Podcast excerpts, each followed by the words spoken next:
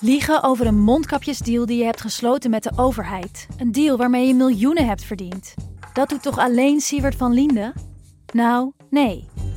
Ik ben Felicia Alberding en in de Mondkapjesmiljonairs duik ik met een team van correspondenten in andere schandalen.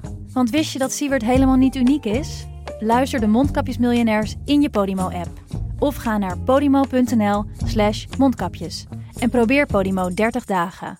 podimo.nl slash mondkapjes. Deze podcast is 100% expertisevrij en alleen geschikt voor amusementsdoeleinden.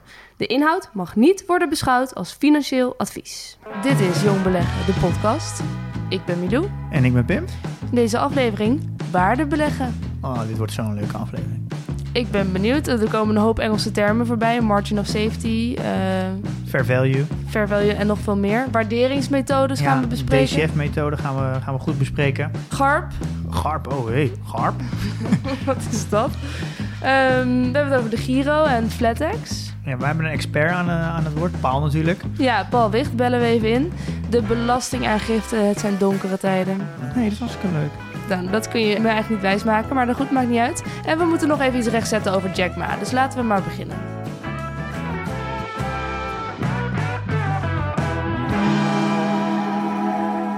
Ik veeg nog even het zweet van mijn rug, want ik ben hier op de racefiets heen gekomen. Ehm, Ik ben een hele mooie fiets. ja, ik had nog dus tot gisteren nog nooit gewielrend. En ik dacht, ik vond het verschrikkelijk.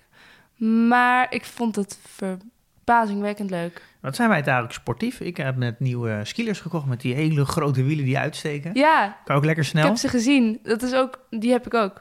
Ja, misschien moeten we een keer gaan skiën, Pim. Ja, de- ik, moet, ik schrok wel toen ik de brug afging. Oh, dan ging je veel te hard. Ja, er zit Ja, er geen rem op. Nee, ik schoot echt even van, van hoe ga ik... Ik denk, ik gooi me gewoon in de vangrail als ik niet kan remmen. Gewoon van de brug af het Ja. water in. Goed. Ehm, Pim, we moesten nog even iets rechtzetten van de vorige aflevering. Eh, Jack Ma, die heeft niet in Amerika gestudeerd. Zoals vermeld vorige aflevering. Ja, want eh, Robin Lee, van, eh, de founder van Baidu, wel. Die heeft in computer science in eh, New York gestudeerd. Mhm. Maar Jack Ma heeft nooit, zelfs, die zelfs tien keer geweigerd in, bij Harvard. Ach, de ziel. Ehm, maar hij heeft wel op hele jonge leeftijd eh, Engels gezet. Hij heeft de Bachelor of Art eh, van Engels. Dus hij, en hij was in op jonge leeftijd heel erg mensen aan het rondleiden als toerist. Een soort de toerist aan het rondleiden, zodat hij zoveel mogelijk Engels kon spreken. ja, dus hij was wel heel erg naar buiten toe georiënteerd. Ja, vroege hij leeftijd. heeft wel heel erg de Amerikaanse cultuur Ja. tot zich genomen. Want hij is echt een, eh, een voorstander van het open en eh, market-driven eh, eh, economie. Eh, Ja. Dus dat, daar zat een beetje de, de, de fout voor mij. Hij zou zo in Amerika gestudeerd kunnen Ja. hebben. Ja. Tot zover dan eh, even dat rechtzetten. Want we hebben weer een lekker bomvolle aflevering, volgens mij. Want we gaan het hebben over waardebeleggen. Heb je vorige week beloofd. Ja. Nou weet ik al een beetje dus wat dat is. Ehm, namelijk, eh, je wil een sterk bedrijf met een goed management tegen een aantrekkelijke prijs. Vooral dat laatste is heel belangrijk. Vat ik het zo een beetje goed samen? Ja.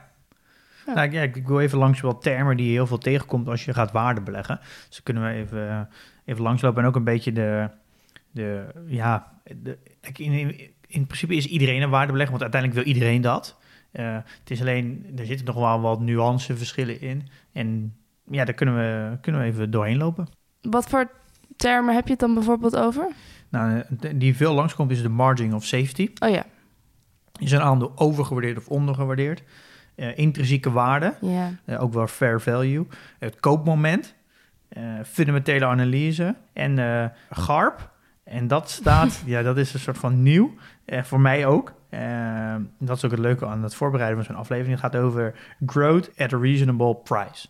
Daar, die vind ik heel interessant. Oké. Eh, je moet eigenlijk even op de, in de show notes kijken. Dan heb ik daar een afbeelding geplaatst. En dan zie je een lijn van de koers. Eh, En dan zie je ook een lijn van de intrinsieke waarde, dus de fair value. Eh, en die koers die gaat natuurlijk heen en weer. Mhm. En dan zit er op die intrinsieke waarde zit een margin of safety. Ehm, en dan die koers gaat heen en weer. En op een gegeven moment als die lijn onder de margin of safety komt, dus de koers... dan is dat precies de periode wanneer je wil kopen. Dat noemen ze eigenlijk de buy zone. En alles onder de intrinsieke waarde is ondergewaardeerd. En boven de intrinsieke waarde is overgewaardeerd. ja. En Die afbeelding moet je even kijken, want die leggen eigenlijk alle termen uit in één afbeelding. En dat is eigenlijk de essentie van waardebeleggen. Oké.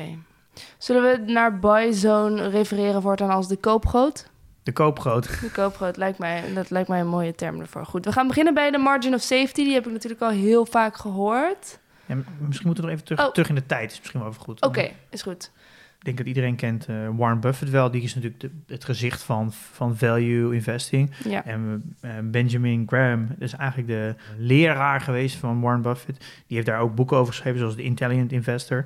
En dat, ja, dat is een beetje het groepje die staat voor, voor value beleggen. Alleen ik vind het altijd heel lastig dat je, je kan niet echt de, hoe ze nu zijn, dus hoe Warren Buffett nu is, vergelijken met hoe hij zijn vermogen heeft vergaard. Ja, hij heeft natuurlijk heel veel geleerd in het Ja, en dat is iets wat je nooit moet vergeten. Je moet, eh, hij is nu veel meer vermogensbehoud aan het doen. Dat zegt hij ook. Van ja, ik heb heel veel verantwoordelijkheid nu. Ik heb heel veel. Ik ben, ja, ik, ik beheer heel veel vermogen van mensen die ook op de leeftijd zijn zoals wat ik nu ben. Dus ik moet Ja. vermogensbehoud doen. Dus hij zou heel andere keuzes maken dan als hij weer jong zou zijn. Ja, ik ben meer van de school Peter Lynch. Daar gaan we het ook nog wel eens een keer over hebben. Pieter Lynch is meer jouw leeftijd, zit meer op vermogensgroei. Nou, die is, wat, die is wat iets jonger, maar die is, heeft ook wel over value beleggen, maar die combineert dat meer met, met ook groei. Het is eigenlijk een beetje een spel tussen, eh, wil je een goed bedrijf en heel goedkoop? Of wil je eigenlijk een, gewoon een echt heel goed bedrijf tegen een reasonable price? Dat is Ja. een beetje, daar, daar zie je natuurlijk, dat is met, met eh, waardebeleggen, zie je daar een beetje tussen te schommelen. En dat is een beetje een, eh, een, een spel wat je Ja. eigenlijk speelt als, eh, als waardebelegger. Dat is voor mij nog echt een, een, een ontdekking die ik moet gaan doen van wat past nou echt exact bij mij. En ik zal zo even op het einde een soort van mijn conclusie delen. Hoe ik er precies in zit en welke dilemma's ik meemaak. Ja, Ehm, maar ik zit wel, ik merk wel dat ik op het spectrum van waarde beleggen, ja, dat ik ergens daar een positie ga vinden. oké. Maar eerst wil je nog even die begrippen wat beter Ja. uitleggen. Ehm, nou ja, margin of safety kom je heel vaak tegen. En het idee is eigenlijk ehm, dat je een aandeel gaat waarderen. Daar komt er eigenlijk een, eh, ja, een, een intrinsieke waarde of een fair value uit. uit.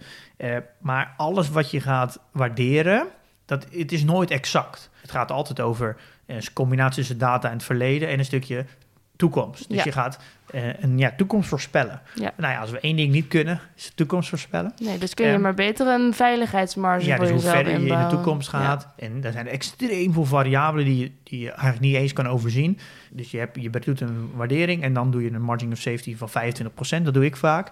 En dan daaronder is het een koopwaardig aandeel. Ja, want dat kun je dus in principe zelf bepalen, hoe groot je margin of safety is. Natuurlijk moet je dat zelf bepalen. Ja. Niemand gaat het voor je doen. En jij doet meestal 25%. Is dat ook gemiddeld? Of nou, hoe dat- bepaal je welke, welke grootte je wilt hanteren? Nou, dat ligt weer ook een beetje aan wat voor type belegger je bent. Want als ga je echt value beleggen, dan, kies dan kiezen mensen zelfs voor soms voor 30, 35 procent. Eh, maar dat snap ik wel, want als je een bedrijf kiest die wat minder goed is, eh, dan wil je je margin of safety heel erg omhoog gooien. Eh, want de kans is dat het bedrijf het, eh, ja, het- ook niet goed gaat doen, is dan aanzienlijk groter. Ga je bijvoorbeeld naar bedrijven kijken zoals een, eh, een Nestlé, L'Oreal, een Apple of een ASML. Dat zijn zulke goede bedrijven. Daar kan een margin of safety van 10% al, al Ja, voldoende zijn. En dan zeg je dus fair value en intrinsieke waarde. Ehm, is dat, zijn dat inwisselbare termen? Ja, dat is een beetje. Die worden wel eens eigenlijk in, op één hoop gegooid. En je kan ze in principe ook wel samen gebruiken. Alleen hoe ik het een beetje interpreteer, is dat eh, intrinsieke waarde is heel erg wat je hebben we ook uitgelegd in aflevering 21. Is dat als je een beetje als een auto, als je een auto wil verkopen, is dat als je het helemaal uit elkaar haalt en losse onderdelen, zal het misschien meer waard zijn als je het gezamenlijk verkoopt. En bijvoorbeeld Wereldhaven hebben we het toen over gehad. Is dat alle panden die Wereldhaven bezit, die zijn meer waard eh, dan het bedrijf zelf. En dan is eigenlijk de intrinsieke waarde hoger dan het bedrijf zelf. Dus zou je bijna kunnen zeggen, liquideer heel Wereldhaven, want dan hou je er meer aan over. Maar dat is natuurlijk, eh, met intrinsieke waarde hou je eigenlijk niet rekening met eh, ja, marktgroei, met marktpotentie. Dus intrinsieke waarde was vroeger altijd een beetje hetzelfde, omdat alle bedrijven heel kapitaalintensief waren. Dus je had heel veel machines en voorraad en dat heeft allemaal een waarde. Eh, maar de bedrijven tegenwoordig zijn veel meer vol diensten of technologie. Dat is heel, niet echt kapitaalintensief. En daar waardeer je een bedrijf eigenlijk veel meer ook op potentiële groei. En Ja. dat is dan de fair value. En dat vind ik dan, Ja. dat is dan meer fair value. Want potentiële groei is natuurlijk iets wat er nog niet is. Kan je niet liquideren, is, Nee. kan je niet naar cash brengen nu. Maar het is wel zo eerlijk om het mee te nemen. Ja, dus Vandaar. daar, ik noem eigenlijk als je intrinsieke waarde berekent, is dat je gewoon letterlijk het bedrijf zou liquideren, hou je dan meer over. Mhm. En eh, dus als je het in losse onderdelen zou verkopen. En als je fair value, neem je de toekomstige marktgroei mee. Oké. Dus dat zijn eigenlijk de twee termen. En om dat in te schatten, dan moet je dus een bedrijf... Is dat wat je noemt waarderen? Ja, en dat is, het, denk ik het allermoeilijkste voor beleggen als je niet uit de financiële sector komt Ja. of daar geen ervaring mee. hebt. Ik merk wel, ik heb daar ook geen achtergrond in, maar ik merk wel, nu ik langer tijd bezig ben, je krijgt er op een gegeven moment wel gevoel voor. Je ziet zoveel bedrijven en er zijn zoveel verschillende manieren hoe je kan waarderen. Je krijgt steeds, steeds beter een gevoel voor eh, wanneer is een bedrijf nou goedkoop en wanneer is het nu duur. Dus dat is ook gewoon een kwestie van gewoon ja, meer ervaring om doen, veel vaker iets zien, eh, waardoor je het gaat herkennen. Nou, er zijn eigenlijk meerdere eh, waarderingsmethodes en eh, ja, iedereen heeft daar zijn, eigen voorkeuren eh, voor. Ja, ik wilde wel een aantal behandelen. Ik ben dat zelf heel erg aan het leren. We zijn ook in de community. eh, hebben we ook een, een topic met bedrijfsanalyses en daar deelt iedereen de analyse. Je bent natuurlijk steeds bezig met natuurlijk het management, de toekomst, concurrenten. En waarderen is daar gewoon ook een onderdeel van. Mhm. Maar eh, Dennis uit de community, die heeft daar ook een, eh, een aanzet gemaakt, ook met een paar anderen uit de community, om een template te delen over hoe kan je nou aandelen waarderen, om het zo simpel mogelijk Oh, te maken. handig. Dennis van de video. Ja, Dennis van de video. Eh, Ja. Dus het is leuk dat heel veel mensen daarmee aan de slag gaan en, zo langzaam eh, ja, kennis maken met waarderen. En het idee is ook van waarderen is dat je... het Alles is relatief natuurlijk. Je wil uiteindelijk, als allebei de bedrijven identiek zijn, ze hebben evenveel potentie en ongeveer even goed, dan wil je natuurlijk de goedkoopste hebben. Dus het is allemaal ook relatief aan, aan de concurrenten en natuurlijk aan de marktgemiddelde. En het is ook aan de ene kant weer relatief aan je eigen portefeuille. Eh, dus het belangrijke is dat als je gaat waarderen, dat je het allemaal een beetje op dezelfde manier doet, waardoor je ook onderling bedrijven in je portefeuille weer kan vergelijken. Want je Ja. wil het liefst, als je 20 bedrijven hebt, wil je het liefst zo 20 bedrijven die het goedkoop zijn. Dus als je op dezelfde manier gaat waarderen, kan je soms een bedrijf eruit gooien die het, op dezelfde, op die het duurste is en een ander bedrijf die het goedkoper is. Oké, Ehm, ja, dat is logisch. En hoe ja. werkt dan dat waarderen? Ja, nou, we, de meeste waarderingsmethodes werken vaak met scenario's. Eh, dus je kan het eigenlijk zo complex mogelijk maken als je wil. Echt, echt ja, bepaalde bedrijven die, die echt analyses doen, die, die maken soms eh, twintig kantjes een, eh, een, waardering. Ehm, en die spreken vaak over de best, worst en average case. Dus er wordt ook wel bull, bear en base case genoemd. Dus de bull is de beste, bear is de slechtste en dan base is een beetje de normale. En dan worden er percentages aangehangen. Eh, nou, zoveel procent is voor de, de bull case, zoveel procent voor de bear case en 50% voor de base bijvoorbeeld. Voelt een beetje eh, willekeurig, deze ja, drie woorden met een B, maar goed. Ja, dat komt omdat je namelijk de, de boel is een hele bekende term uit beleggen. Nee, voor de damrak staat een hele grote boel. Oh ja. Eh, dus het idee is dat een boel die, als hij je aanvallen, gaat die, gaat die omhoog. Dus die valt van laag naar hoog. Ah, En een beer, die staat altijd en die valt naar beneden aan. die valt van boven naar beneden. En daarom is het een bull market, is dat de boel omhoog gaat. En een bear market is dat de boel naar beneden gaat. Dus dat zijn de bol naar beneden gaat. over de hele wereld zie je dus ook voor alle eh, beurzen, en in Amsterdam zie je dat ook, zie je een hele grote boel staan. Ja, makes sense. Dus dat is de, de toch minder willekeurig dan ik daar komen de termen vandaan. Oké. Ja, nu hebben we het over waarderen. Ik denk de makkelijkste, die we eigenlijk allemaal wel kennen, is eigenlijk de, eh, de relatieve waarderingsmethode. En dat is eigenlijk heel simpel. Dat zijn eigenlijk alle ratio's die je met elkaar kan vergelijken. Nou, dat Oh, doen we eigenlijk in principe allemaal al. Eh, je hebt de koers-winstverhouding. Ja, Nou, dat is een hele makkelijke ratio. Zegt al een hoop. Eh, daar kan je al heel snel zien. Nou, dit bedrijf is echt totaal niet interessant voor mij. Of dit is mogelijk interessant. Ja, Dus de price to earnings, de PE in het Engels. Ik heb ook alle Engelse termen ook eh, in de website erbij gezet. ja. Dan hebben we de, de koers eh, en dan de winst tot groei. En dan is eigenlijk de, earn- de price earnings growth, dus de PAC. En dat is dan ook een hele interessante. Dus wat betaal je nou voor groei? En kan, soms wil je twee bedrijven met elkaar vergelijken. Eén bedrijf wat, neem bijvoorbeeld eh, Oracle. Nou, dat is een bedrijf wat bijna niet groeit. Eh, maar wel eh, hele hoge marges heeft en wel best wel veel eh, vrije cashflow, dus veel winst maakt. Maar daar kan je bijvoorbeeld tegenover zetten een Salesforce, dat ook een heel goed bedrijf is, maar nog heel hard groeit. ja. En dat is dan heel erg moeilijk met elkaar te vergelijken, want de PE van Salesforce is natuurlijk hoger, omdat ze harder groeien, eh, dan een Oracle. Dus het is moeilijk dan als je PE gaat vergelijken. Dan kan je dus bijvoorbeeld kijken naar de price, de earnings growth. Dan kan je kijken, wat betaal je nou voor groei? En dat Ja. zet je af tegen de winsten nu. Dus dat kan je eigenlijk Ja. twee verschillende bedrijven iets beter met elkaar vergelijken. Ja, oké. Ehm, dan hebben we natuurlijk de, de price to book, dus de, de koers-boekwaarde. Ehm, dan hebben we dus de, de, voor bedrijven die geen winst maken, voor groeibedrijven, eh, dan heb je natuurlijk de, de koers-omzet, Mhm. dus de price to sales. Eh, dus als je bijvoorbeeld bedrijven wil vergelijken die allebei geen winst maken, dan wil je kijken, ja, wat betaal je nou eh, voor de omzet. Dus bijvoorbeeld in de delivery-industrie, nou, bijvoorbeeld Just Eat Takeaway, die maakt eigenlijk niet echt winst. Nou, Delivery Hero ook niet. En dus je, als een bedrijf wel winst maakt, een ander bedrijf niet, kan je natuurlijk niet de koers-winstverhouding Ah, met elkaar vergelijken. Dus dan pak je de koers-omzet. Dus Ja. wat betaal je nu per euro voor de omzet? Dan kan je ze zo met elkaar vergelijken. Ja, precies. Dus telkens moet je gewoon zelf uitzoeken welke ratio het beste past bij welke bedrijf Ja, dat je zijn eigenlijk hele makkelijke manieren. Er zijn gewoon websites, als Yahoo Ja. Finance en zo, die dat allemaal gewoon, al die ratios voor je uitzetten, hoef je ze alleen maar even naast elkaar te zetten. Dat zijn Mhm. eigenlijk al hele makkelijke manieren om aandelen te waarderen. Ja. Nou, dan heb je de koers cashflow, dus de, de price to cashflow. Dus hoeveel betaal je nu eh, voor, de toekom ja, voor, voor cashflow? Wat bedoel je daar dan mee? Ehm, vrije cashflow is eigenlijk als, onderne- als eh, belegger zijn de, de meest interessante. Want dat zegt het al, het is vrij. Het is vrij te besteden geld. En dat is natuurlijk waar je uiteindelijk wil, op wil waarderen Ja. als, als belegger. Want ja, je kan wel heel veel winsten maken, maar als er geen vrije geld te besteden is, ja, dan, dan heb je er ook niks aan. Als, Ja, Dus winst is natuurlijk iets wat boekhoudkundig is. Maar Ja. vrije cashflow, dat is ook echt, zegt het al, is vrij. Dus dat is vrij te besteden. En dan kan het management dus bepalen: gaan we dat aan, aan de aandeelhouder uitkeren in de vorm van dividend? Gaan we er onze eigen aandelen mee inkopen? Oh, Gaan we dat investeren in, Ja. in ons bedrijf? Gaan we daar nieuwe bedrijven voor kopen? Dat, daar kan je van groeien. Ja. Ehm, dus daar is, dat is een hele belangrijke waar je naar wil naar kijken als je gaat waarderen. Ja, dat herinner ik me ook nog dat Alex zoiets zei. Ja, dat is, een, dat is eigenlijk de. daar kom ik steeds maar achter als je gaat beleggen. Nou, Dennis gaat daar ook nog een hoop over vertellen. Die komt volgende week. Tipje van de sluier. Oké. Ehm, eh, daar, dat is een heel belangrijk onderdeel. Ja. Eh, want dat is eigenlijk, de, ja, dat is eigenlijk de, de voeding de, de- waar, waar, je, waar je mee kan bewegen. Als een bedrijf heel weinig vrije cash, cashflow heeft, Dan zit het vast.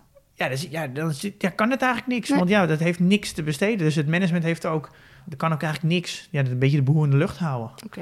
Eh, Was dat het? nou, dan hebben we nog eentje en dat is de EV eh EBIT. Dat is eigenlijk de enterprise value. En dan delen door de, de, de earnings before interest and taxes. En dat is natuurlijk wel een hele interessante. Want daar neem je eigenlijk, dan ga je de waardering van een bedrijf bekijken. Maar dan neem je ook mee al het geïnvesteerde geld eh en de schulden. Oké. Van dat- waar, waarvoor is dat bijvoorbeeld handig? Nou, omdat namelijk in alle andere eh, vergelijkingen neem je de schulden niet mee. Oké, ja, ja. Eh, dus soms kan een bedrijf nog steeds er heel goed uitzien in die, in die eerder genoemde eh, ratio's. Maar omdat het kan heel, en één bedrijf kan heel veel schuld hebben, een ander niet. En ze kunnen nog steeds dezelfde eh koers-winstverhouding hebben. Ja, dan wil je natuurlijk liefst natuurlijk het bedrijf zonder schuld hebben. Oké. Want schuld is wel echt een... dat is misschien wel het, je allergrootste probleem in slechte tijden. Hmm, Oké.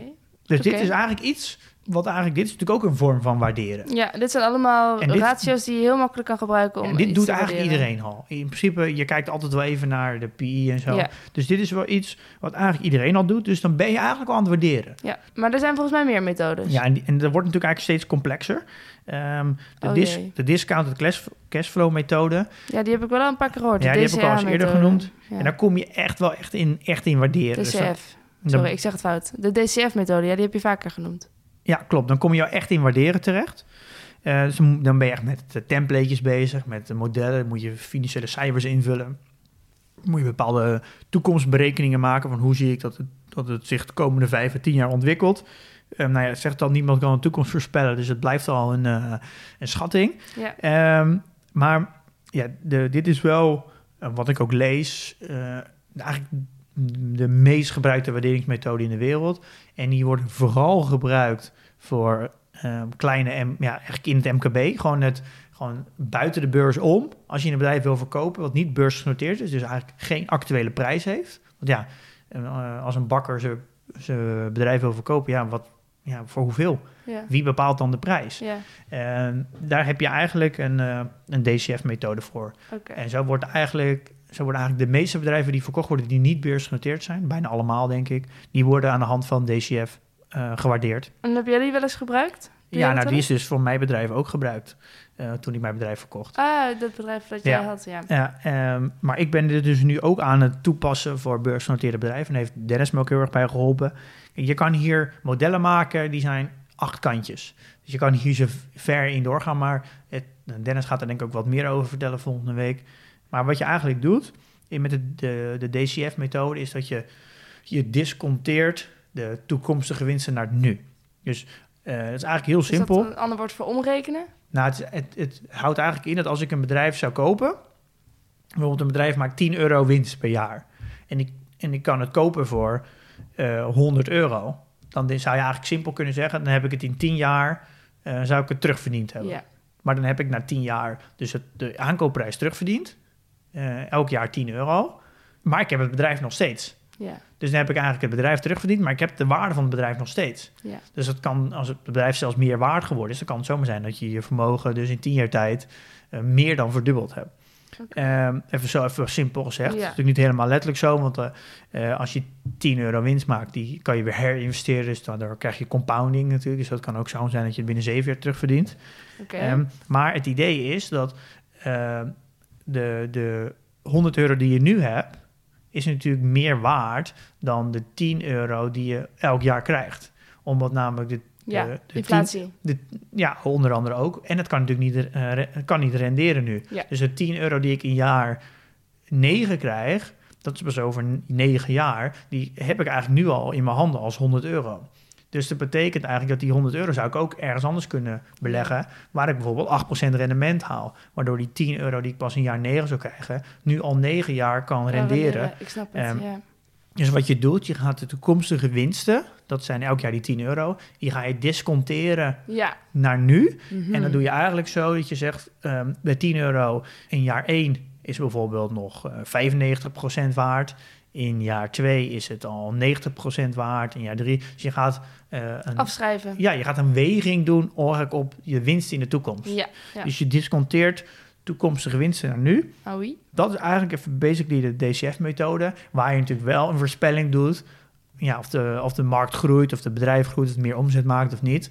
Ehm, en daar moet je natuurlijk een beetje een inschatting voor maken. En het idee is, is dat je, wat hebben wij voor Just Eat Takeaway gedaan? Hebben wij het bedrijf geanalyseerd, hebben we bepa- bepaalde prognoses gemaakt en, eh, en op een gegeven moment een beetje conservatief ingeschat. En we zeggen, nou, we denken dat het zoveel omzet groeit en zoveel, dit zijn de marges. En dan komen we uit winst per aandeel. Nou, eh, op elk jaar komen we op dit uit en een jaar daarna daarop uit. En dan komen we uiteindelijk op een fair value uit. Maar het idee is dat we nu elk kwartaal of elk half jaar, elke keer als er cijfers komen, het liefst natuurlijk bij de jaarrekening, maar over een half jaar, volgens mij in augustus komt Just die TKW met, eh, met winstcijfers. Dan kunnen we natuurlijk valideren of dus de aannames die wij gemaakt hebben enigszins overeenkomen ja. met, wat de, met de daadwerkelijke cijfers Ja. dan ben je dus... Kijk, dat is eigenlijk wat je doet. Als je een bedrijf koopt, koop hem altijd voor toekomstig succes. Eh, dus je kan wel gewoon kopen en niet waarderen. Maar als je gaat waarderen, ga je bewuster nadenken over... Ja. wat voor succes verwacht ik in de toekomst. Dat ga je in een model doen. Eh, als je dat iets lager inschat, iets conservatief... met een margin of safety, is de kans heel groot... dat je een veiligheidsmarge inbouwt op, je, op groei. En als groei dan eh, hetzelfde uitkomt wat jij verwacht... of zelfs daarboven... ja, dan is de kans natuurlijk heel groot dat het aandeel omhoog gaat. Eh, het gevaar is natuurlijk heel erg om als je zo'n DCF-methode doet, is dat er een exact getal uitkomt. En je kan ook heel erg spelen met eh, de input. Je kan aan Dus- alle knopjes draaien. Ja, dus het, wat er, het is een heel psychologisch effect dat je heel snel de knopjes zo draait dat het precies uitkomt dat je hem kan kopen nu. Ja. En dat is natuurlijk heel gevaarlijk, eh, want daar, daardoor werkt het natuurlijk niet. En dat is ook gelijk ja. het grootste commentaar van deze waarderingsmethode, is dat je zelf kan bepalen wat je invoert en dat ja, soms zijn mensen een soort van verliefd op een bedrijf of ze hebben het heel lang bestudeerd en dan willen ze hem eigenlijk kopen en dan gaan ze gewoon en zo aan die knopjes draaien dat hij precies op kopen komt te staan. Maar Ja. dan ben je natuurlijk eigenlijk jezelf voor de gek aan het houden. Ja, het is een soort van eh, valkuil waar je jezelf invalt. Ja, dus dat is ook, dat is ook vaak de, het, dan ook weer het commentaar over waarderen. Eh, Ja. Maar daarom denk ik ook dat je, je, je hebt niet één vorm van waarderen. Wat ik net zei over die eh, metrics vergelijken, die ratio's vergelijken, heb je nu ook de DCF. Ik, eh, uiteindelijk ga je gewoon allemaal, krijg je op een gegeven moment gevoel voor. Je kan ze heel snel zien, eh, dit is duur, dit is goedkoop. Als je een klein beetje wat meerdere waarderingsmethodes gebruikt, dan kom je, er- kom je er wel snel achter van, nee, dit is wel Ja. wat of niet. En dan heb ik jou ook wel eens horen praten over een analyse. Dat, eh, daar waar je gewoon alle stukjes dus apart gaat knippen. Dat had je, had je bij Facebook had je het laatst over. Ja, ja dat heet de ehm, sum of the parts. Want je zei van ja, ze hebben een WhatsApp-dienst. Daar doen ze eigenlijk nog niet zoveel mee. En daar ging je ook naar kijken. En dat ging je een beetje. Ja, nee, eh, dat klopt. Dat heb je goed onthouden. Volgens, en ik weet niet of je het ook nog onthouden dat ik het ook bij Prozus heb gedaan. En kijk, dat bij holdingbedrijven, bedrijven, zoals een Prozus, die eigenlijk meerdere bedrijven bezitten. Nou, de bekende in Nederland is natuurlijk Hal, denk ik, ken ik wel.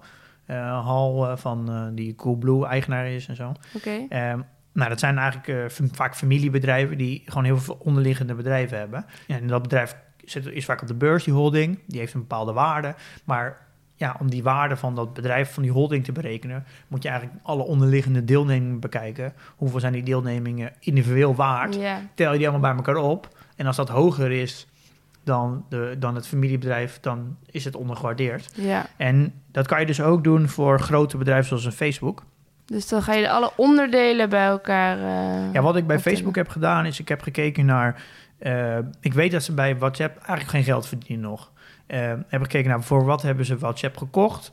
Heb ik de cash die ze op hebben. heb ik, dan heb ik allemaal van de marktwaarde afgehaald. Eh, en dan heb ik nog gekeken naar, naar alle ja, investeringen die ze doen... die ook nog geen geld opleveren. Die ze ook zouden kunnen stoppen in VR en al die dingen. Dat heb ik dus eigenlijk van de... Ja, die gaat normaal natuurlijk van je winst af. Nou, die heb ik bij de winst erbij gedaan. En dan heb ik dus de echte waarde van Facebook en Instagram bij elkaar. De, dus de marktwaarde dan. ehm, plus de winst. En dan, heb ik, dan reken ik zelf een, een PI uit. Dus een koers-winstverhouding. En, en die koers-winstverhouding is natuurlijk veel lager dan waar die, waar die nu op genoteerd staat. Omdat daar natuurlijk ook WhatsApp en zo en zo in de cash in zit. Ja. En toen kwam ik op een hele lage PI uit, voor mij 15 of zo, of 16. Eh, ja, dat is natuurlijk een, het marktgemiddelde ligt nu volgens mij op 20, 25. Mhm. Eh, toen dacht ik, nou, dat is ook een manier van waarderen. Ja. Ehm, en dan kan je natuurlijk eigenlijk twee dingen zeggen. Eh, er zijn natuurlijk wel wat aannames die je doet van WhatsApp. Kijk, ze kunnen, als WhatsApp nooit wordt geschreven, dan kunnen ze het verkopen. Dan kunnen ze voor, dat, voor die prijs misschien wel meer verkopen. Maar je kan ook zeggen, de kans is gewoon heel groot dat ze nog geld gaan verdienen aan WhatsApp. Dus zo kan je ook een ja, soort van sum of the parts analyse doen. En bij. Bij Proces doe je dat bijvoorbeeld door de deelneming in Tencent te bekijken. Nou, hoeveel ze hebben nu? Nou, ze hebben net wat verkocht, voor mij nu 29% in Tencent. Nou, dan kijk je de marktwaarde van Tencent, doe je Ja. daar 29% van. Ja.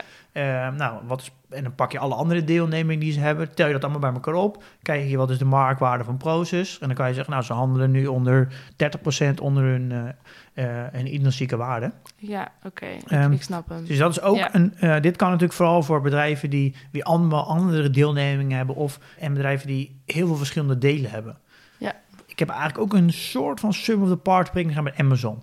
Dat je de, de clouddiensten die we hebben besproken ja, heb, ik- precies. heb, ik, heb losgetrokken van de, de meer, Ja. meer e-commerce dingen. Oké, nou, het idee is helder. En er zijn waarschijnlijk ook nog wel meer methodes. Ja, die, ik, die heb ik zelf niet zoveel ervaring mee. Daar ga ik in de toekomst misschien nog wel mee experimenteren. Ja. Eh, maar ja, laten we die. daar kan ik nu niet zo over. Nee, ja, voordat we een aflevering van een anderhalf uur hebben. Ja, maar dat is wel iets waar eh, ik, ik komende eh, half jaar ga ik wel meerdere dingen leren nog. Ja. Dus zal ik dat zeker meenemen. Maar je zei in het begin dat er nog iets interessants was. En dat had de naam GARP. Growth at a reasonable price.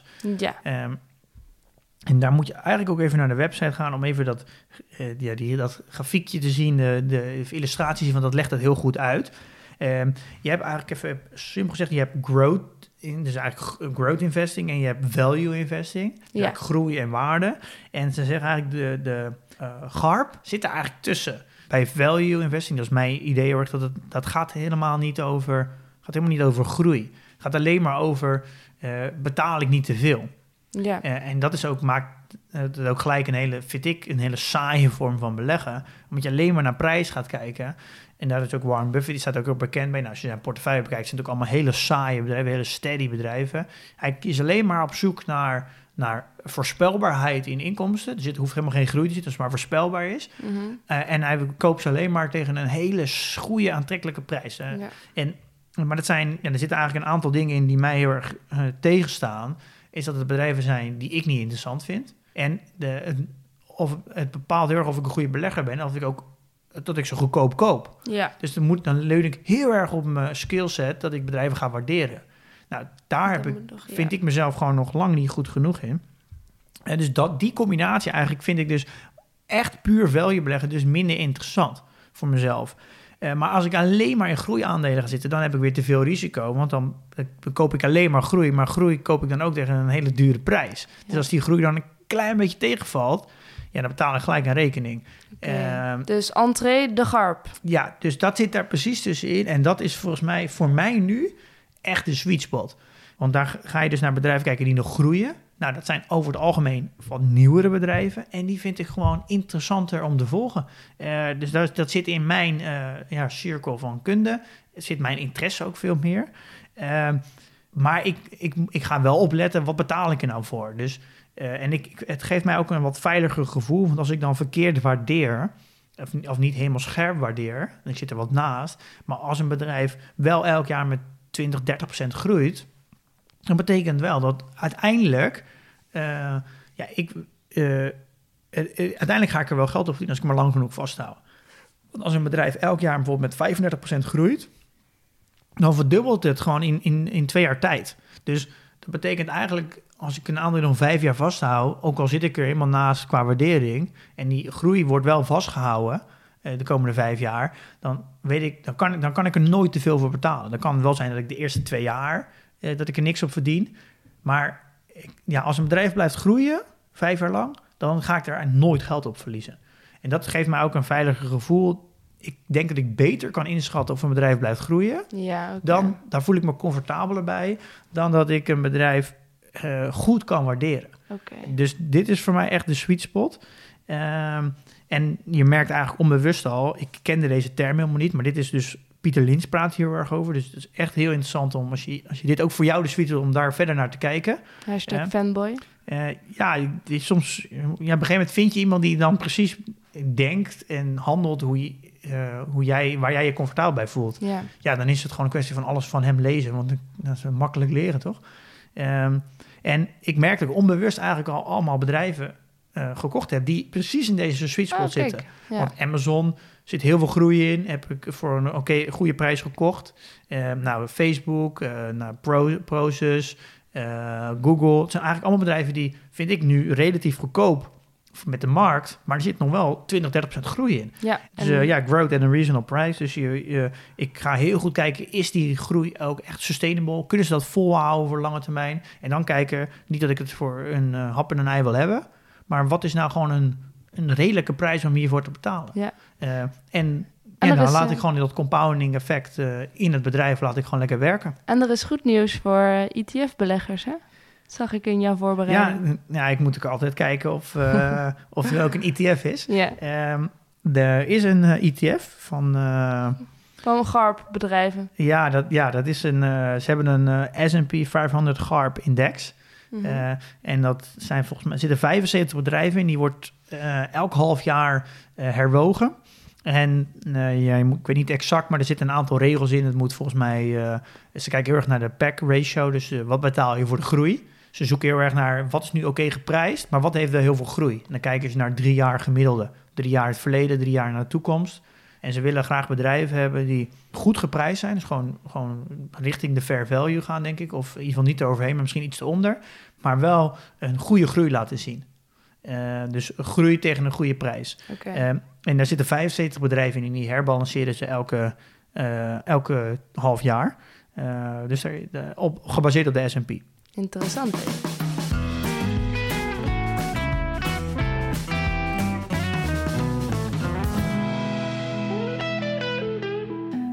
gaan we naar vriend van de show en de update. Er is een update, hè Pim? Ja, nou wij doen eigenlijk wel vaker updates aan de achterkant. We hebben natuurlijk de laatste tijd veel eh, volle afleveringen gehad. Ja. We proberen wel elke twee weken wel een update te doen. En het zijn er vaak heel vaak, ja, misschien moeten we dat vaker delen, maar het zijn heel vaak onzichtbare updates. Oké. Eh, ehm, er zijn heel veel kleine fixje, fixjes die we doen aan de achterkant. En we, nou, één keer in de zoveel tijd komen we echt met een hele grote visuele update. Dat je echt Ja. nieuwe functionaliteit hebt. Maar software is vaak aan de achterkant, heeft ook gewoon heel veel kleine fixjes nodig. Dus eh, ik zal even doorheen lopen. We hebben een update gedaan voor alweer de, ja, de stabiliteit eigenlijk eh, eh, te verbeteren. Dus we hebben een, bijvoorbeeld een... een fix gedaan om op de achtergrond de, de data sneller in te laden als je een CSV uploadt. Nou, er zat een foutje in dat eh, bijvoorbeeld bij de S&P had je S en dan een N-teken en dan de P. En nou, die werd niet goed geladen, dus dat werd een rare teken. Dat hebben we nu gefixt. Eh, een verbeterde foutmelding bij een gebruiksvriendelijke foutmelding als er iets fout gaat. Ja. Eh, nou, wisselkoersen ging fout bij sommige imports, die corrigeren we nu. Soms lieten we verouderde prijzen zien, die hebben we nu voor sommige aandelen opgelost. We hebben nu een, een verbetering gedaan in eh, het- slimmer maken van welk, uit welke databron we nou het aandelenprijs moeten halen. Dat we dat iets slimmer hebben gemaakt. En nou, als je filtering toepast over welke sector zit je, welke regio, dat je dat kan filteren in je portfolio. Dat je er nu ook een clear knop hebt, dat je al die filtering in één keer weg kan halen. Zo allemaal van die kleine, kleine updates. En we zijn nu druk bezig eigenlijk met twee hele grote updates. Het handma- handmatig invoeren van transacties eh, en het koppelen van je aandelen in strategieën. Dus Ja. dan kan je straks je portfolio verdelen in bijvoorbeeld groei- en dividendaandelen. Er wordt hard gewerkt achter de schermen. U hoort het. Ja. Ja. En eh, er zijn weer nieuwe vrienden van de show bijgekomen. Eén berichtje. Ja. Pim schrijft: In de jaren 80 en 90, toen ik nog een kind was, stond vaak de televisie aan. En dan niet een programma van Nederland 1. Nee, het was teletext pagina 520. Mijn moeder was huisvrouw, maar ook belegger. En via teletext hield ze de koersen bij. Zelf vond ik het best interessant. Eh, mijn moeder heeft door beleggen een leuk pensioen opgebouwd. Eh, ook belegd voor mij, mijn broer en mijn zus. Daar ben ik er heel dankbaar voor. Nou, en ondertussen is Pim dus zelf nooit echt begonnen met beleggen. Maar werd er wel steeds meer naartoe getrokken. Eh, begonnen met Blondjes beleggen beter. Dat is dat boek van Janneke Willemsen. En hij heeft onze eh, podcast geluisterd. En hij gaat nu beginnen met beleggen. En nu is hij dus vriend van de show geworden.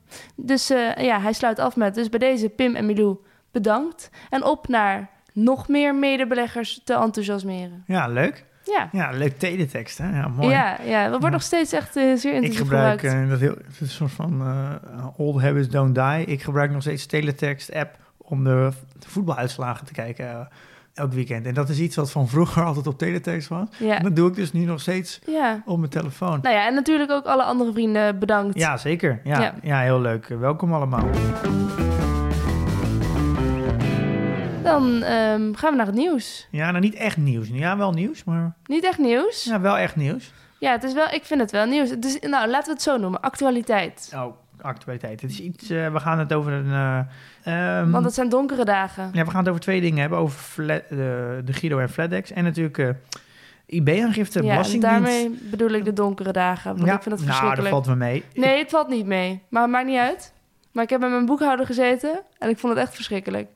Ehm, goed, dat terzijde. Dividend, belasting, moet op de IB-aangifte ook, ja, toch? nou, ik ben daar even doorheen gegaan. Ik zou dat nog even vertellen. Ehm het is even goed om eh, even twee dingen op te splitsen. Je hebt dividendbelasting van Nederlandse bedrijven.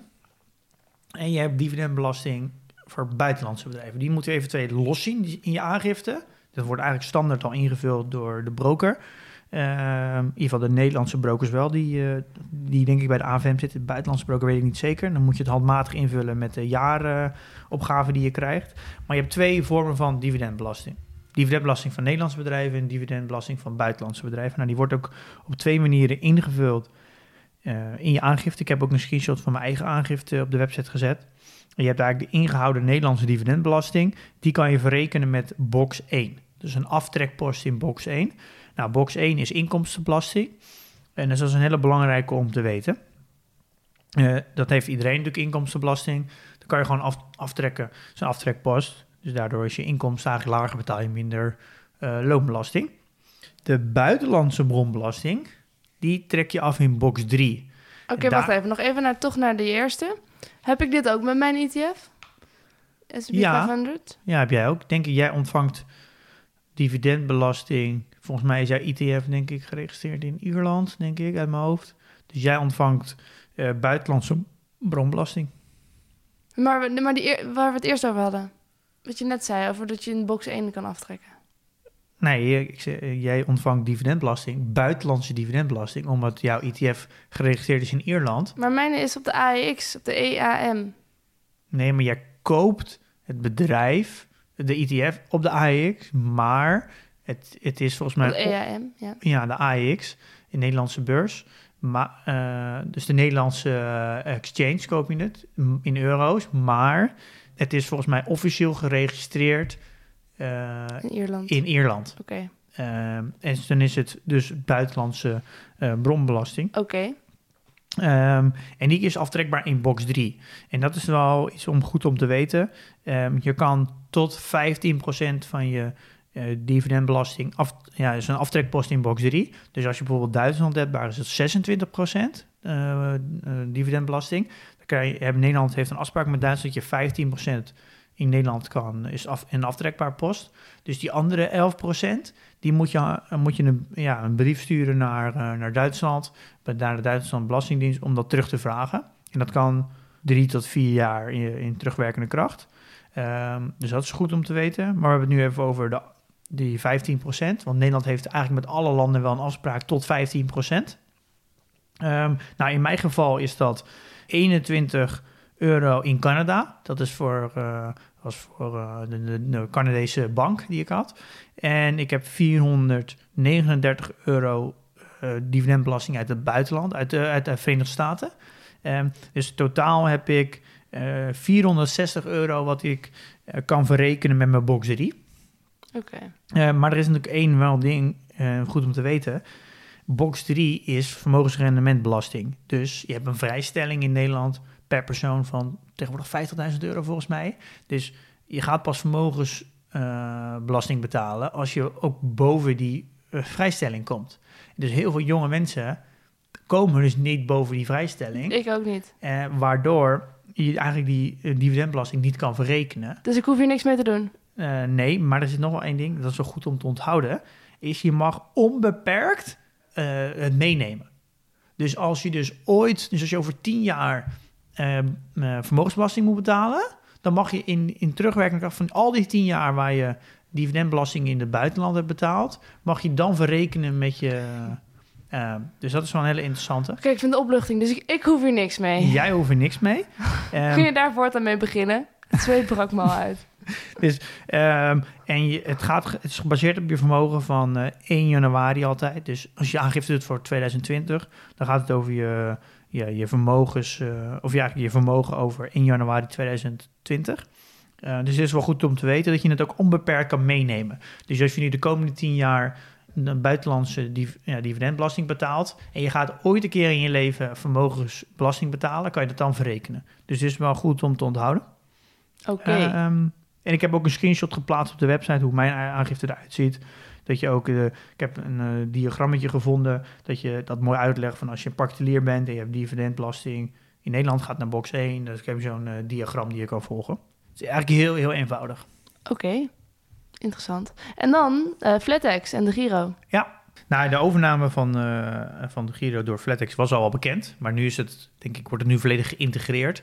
En dat denk ik niet zoveel gaat betekenen voor het product aan zich. Maar de juridische constructie die verandert daardoor. Het is een Nederlands eh, bedrijf, de Giro. Dus dat valt onder de Nederlandse, dus de Nederlandse BV, valt onder de Nederlandse wetgeving. En ook onder de Nederlandse AFM. Eh, maar het gaat nu, eh, FlatEx, ja, die soort van incorporeert eh, de Giro. En dat gaat dus over eh, ja, naar Duitsland. We hebben Ja. al een, eh, je kan al een rekening openen, een IBAN-nummer in Duitsland eh, via de Giro. Ja, via de Giro. En nu gaat het ook naar de, naar de Duitse toezichthouder, naar de BaFin.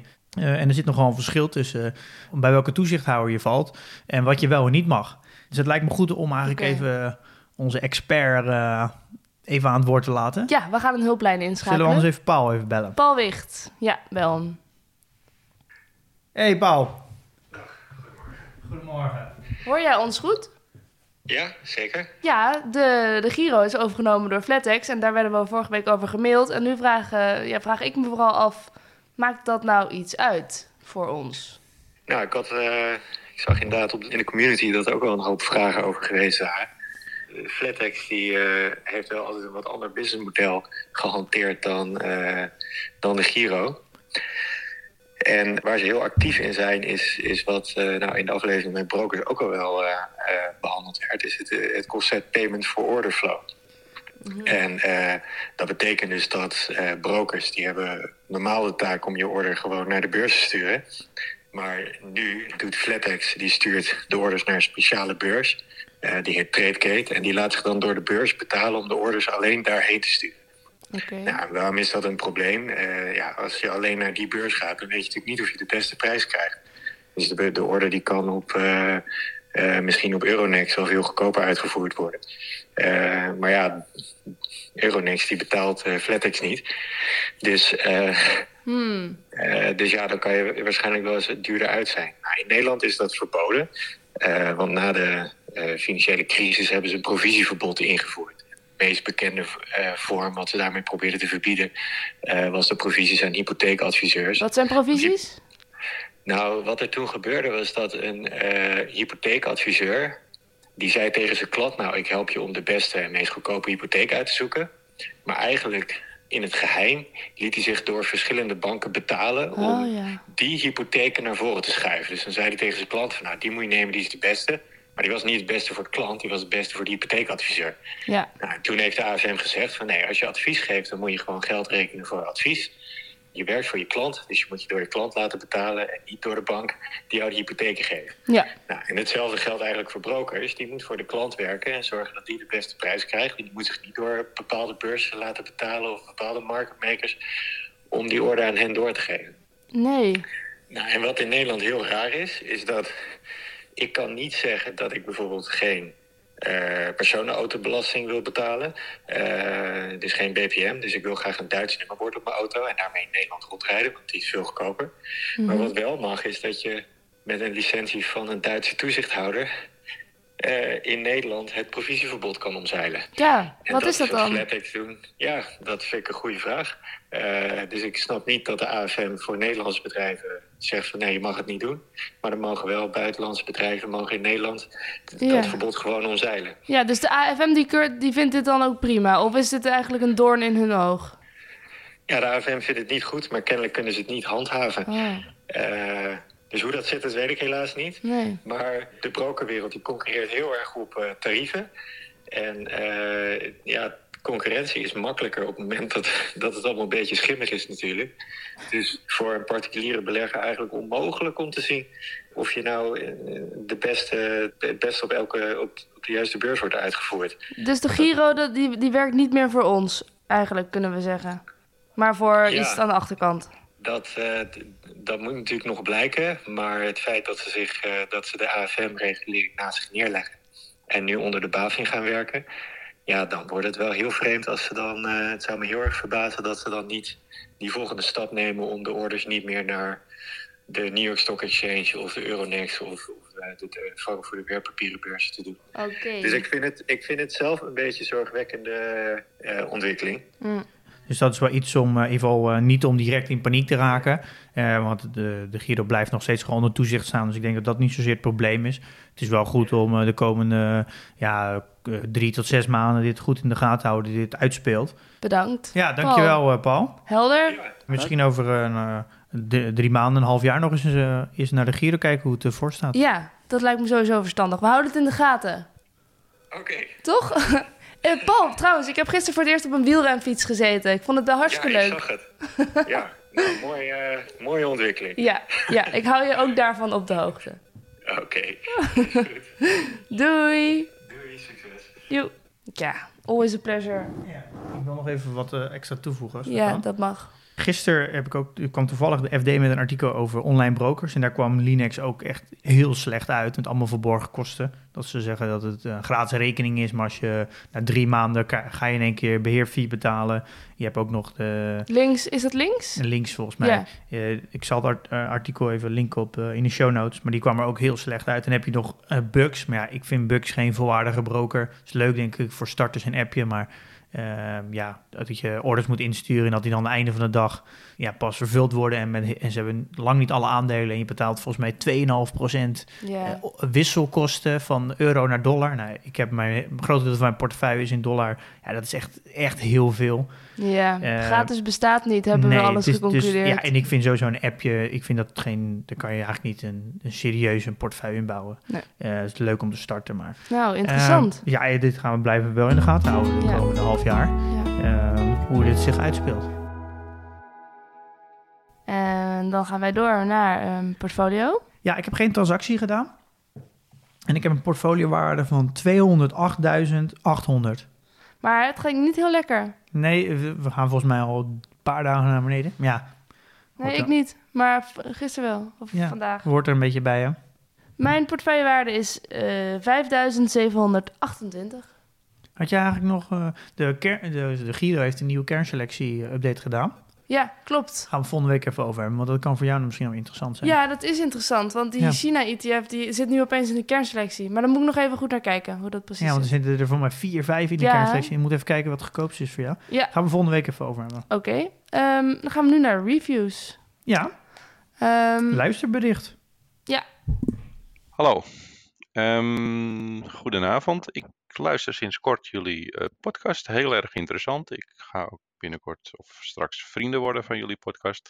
Ik heb de volgende vragen. Uh, ik zie een hele leuke portefeuille. Ik zie hem ook heel leuk stijgen in, in waarde. Ik zie hele leuke onderwerpen steeds uh, besproken worden. Um, een van die onderwerpen was de psychologie uh, van het aandelenhandel. Nu sla ik vanmorgen de krant open. Dansen op beursvulkaan. Uh, daarin wordt aangegeven dat iedereen het maar heeft over uh, winsten die gemaakt kunnen worden. En als iedereen het heeft over winsten, moet je weg zijn. Het laatste zinnetje was hyperinflatie. Uh, lijkt me erg zorgelijk. Nou, ik zit bijna op de minuut. Prettige avond. Hoi. Ja, dankjewel voor het bericht. Ja, ik, ik, kan het artikel zelf niet lezen, want ik heb geen telegraaf. Maar ik zag op de, de foto staan Dries Roelvink, uh, Willem Middelkoop en een bitcoinbelegger. Nou, dat is natuurlijk een hele gevaarlijke cocktail. Nou, ik weet niet. ik ken uh, Willem Middelkoop een beetje, maar ja, jij, jij hebt geen hoge pet van hem op. Nou ja, dit, Kijk, zulke berichten krijg je altijd als de koers hoog staan. En dan ga je verhalen krijgen van mensen die, die ooit op een keer een all-time high heel veel verloren hebben. Ik, ik begreep dat Dries Roelvink heel veel met opties gehandeld heeft en daardoor nat ging. Maar ik denk, kom op, Dries Roelvink. Uh, ja, en ja, Willem Middelkoop, die, ja, hij, zijn hele fonds, uh, de Community Discovery Fund, leunt gewoon 100% op angst. Hij, is een hij doet al 13 jaar, zegt hij de, er komt een big reset aan. Uh, en hij, hij heeft zijn, zijn complete portefeuille is eigenlijk gebaseerd op angst in de, in de huidige markten. Uh, ja, als ik naar zijn, naar zijn fonds kijk, de afgelopen 13 jaar heeft hij een rendement gemaakt van 11,29 procent. 13 jaar, hè? Dat is, en dat is bruto. Dus dat is op jaarbasis 0,87 procent. Dat 0,87% op jaarbasis. En dat is nog bruto. Hè. Dan gaat zijn, zijn kosten van het fonds nog af. En je hebt een inflatie gehad in die 13 jaar tijd van uh, 21%. Dus hij heeft gewoon onderaan de. Is, is, als je daarin belegd zou hebben 13 jaar... zou je gewoon je vermogen gewoon kaart achteruit lopen. En zijn hele fonds zit op eigenlijk... Dat, je, dat er een soort van big reset komt. Dat de euro instort en... Ja, ik, ik hou gewoon totaal niet van de mensen die, die constant angst zaaien. En dat doet hij al 13 jaar. En uh, nou, na 13 jaar zit hij er al naast. Ja, ik kan zulke mensen gewoon niet serieus nemen. De S&P heeft in die tijd dat hij dat allemaal zegt... Uh, 230% rendement gemaakt. Okay. Om even de, ernaast te leggen. Dus okay. wat voor waarde moet je er überhaupt aan hechten? Oké, okay, dus ze gaan allemaal gewoon alarmbellen af als jij die twee. Uh, Absoluut. Hij, zit ook weer, hij wordt ook, krijgt steeds meer aandacht ook in die Bitcoin-markt. Omdat dat ja. ook zo'n zo'n big reset is, high, uh, hyperinflation ja. en bijdrukken en zo. Ja. Oké. Um, dus ik, ja, ik hou er niet zo van. Ik denk ook dat dit allemaal... Ik durf 100% te zeggen dat je in de afgelopen uh, 20 jaar... kan je elke week een nieuwsartikel vinden... dat iemand zegt dat het gaat instorten. Dat heb ik 100% zeggen. En daar is 99 keren heeft iemand, hebben ze ongelijk. Maar Grappig was dus toevallig, toevallig van de week op CBS waren er in, één, in een uur tijd waren er twee verschillende fondsen, managers die geïnterviewd werden. En waarvan eentje zei: het gaat het komende jaar hartstikke hard omhoog nog. En er zijn andere, het gaat nu heel hard instorten in hetzelfde item. Ja. Het, uh, je moet er gewoon helemaal geen waarde aan hechten. Gewoon ja. lekker negeren. Oké. Okay. Um, nou, volgende week gaan we het hebben. Um, nou, we praten we gewoon door over waarde beleggen, toch? Ja. Nou, we gaan het volgende week uh, hebben een uh, Dennis te gast. Ja, ik, Dennis ik Emmelkamp. Ik kijk er heel erg naar uit. Uh, we hebben samen met hem hebben fundamentele analyse video's gemaakt over Basic Fit en de waarderingen van Just Eat. Ja. Uh, en hij is zelf een, uh, een particuliere belegger, heel erg bedreven particuliere belegger, al meer dan tien jaar. Volgens mij doet hij het al, denk wel al, al langer, 15 jaar zelfs. Mm -hmm. Hoe oud is Dennis dan? goeie vraag. Nou, dat mag je volgende week aan hem vragen. Oké. Okay. Uh, maar ja, ik hou er erg van. Ik merk steeds meer dat de waarde zit hem eigenlijk in de particuliere beleggers. Al, die hele beleggingsindustrie, dat allemaal uh, fondsmanagers en uh, mensen die constant in zijn. Ja, die, daar heb je eigenlijk helemaal niks aan. Die zitten alleen maar constant content te maken om, uh, om weer kli kliks te krijgen. En je weet helemaal niet of ze daadwerkelijk die positie zelf innemen. ik vind het, daarom vind ik Seeking Alpha ook heel mooi, omdat particuliere beleggers analyses delen. Vaak weten die veel meer, want die volgen alleen maar hun cirkel van kunde en blijven daar ook bij. Dennis is echt een schat aan, uh, aan informatie. Hij, gaat met ons in gesprek om uh, al zijn ervaringen te delen van de afgelopen 15 jaar. En er zitten heel veel interessante lessen in. en ja, hoe is hij nou waardebelegger geworden? Maar ik kan je wel vertellen, hij heeft in de afgelopen 10 jaar echt ruimschoots de markt verslagen. Echt Die valt bijna achterover. Oké, Eh, maar dat kan die volgende week. Hij houdt er niet zo van om daarover te praten, maar dan gaan we het volgende week toch aan hem vragen. oké. Ik kijk hier heel erg naar uit. Hele leuke jongen. Nou, leuk. Ik eh, ga hem dolgraag ontmoeten. Dan voor nu, ja, investeer in je kennis en beleg met beleid.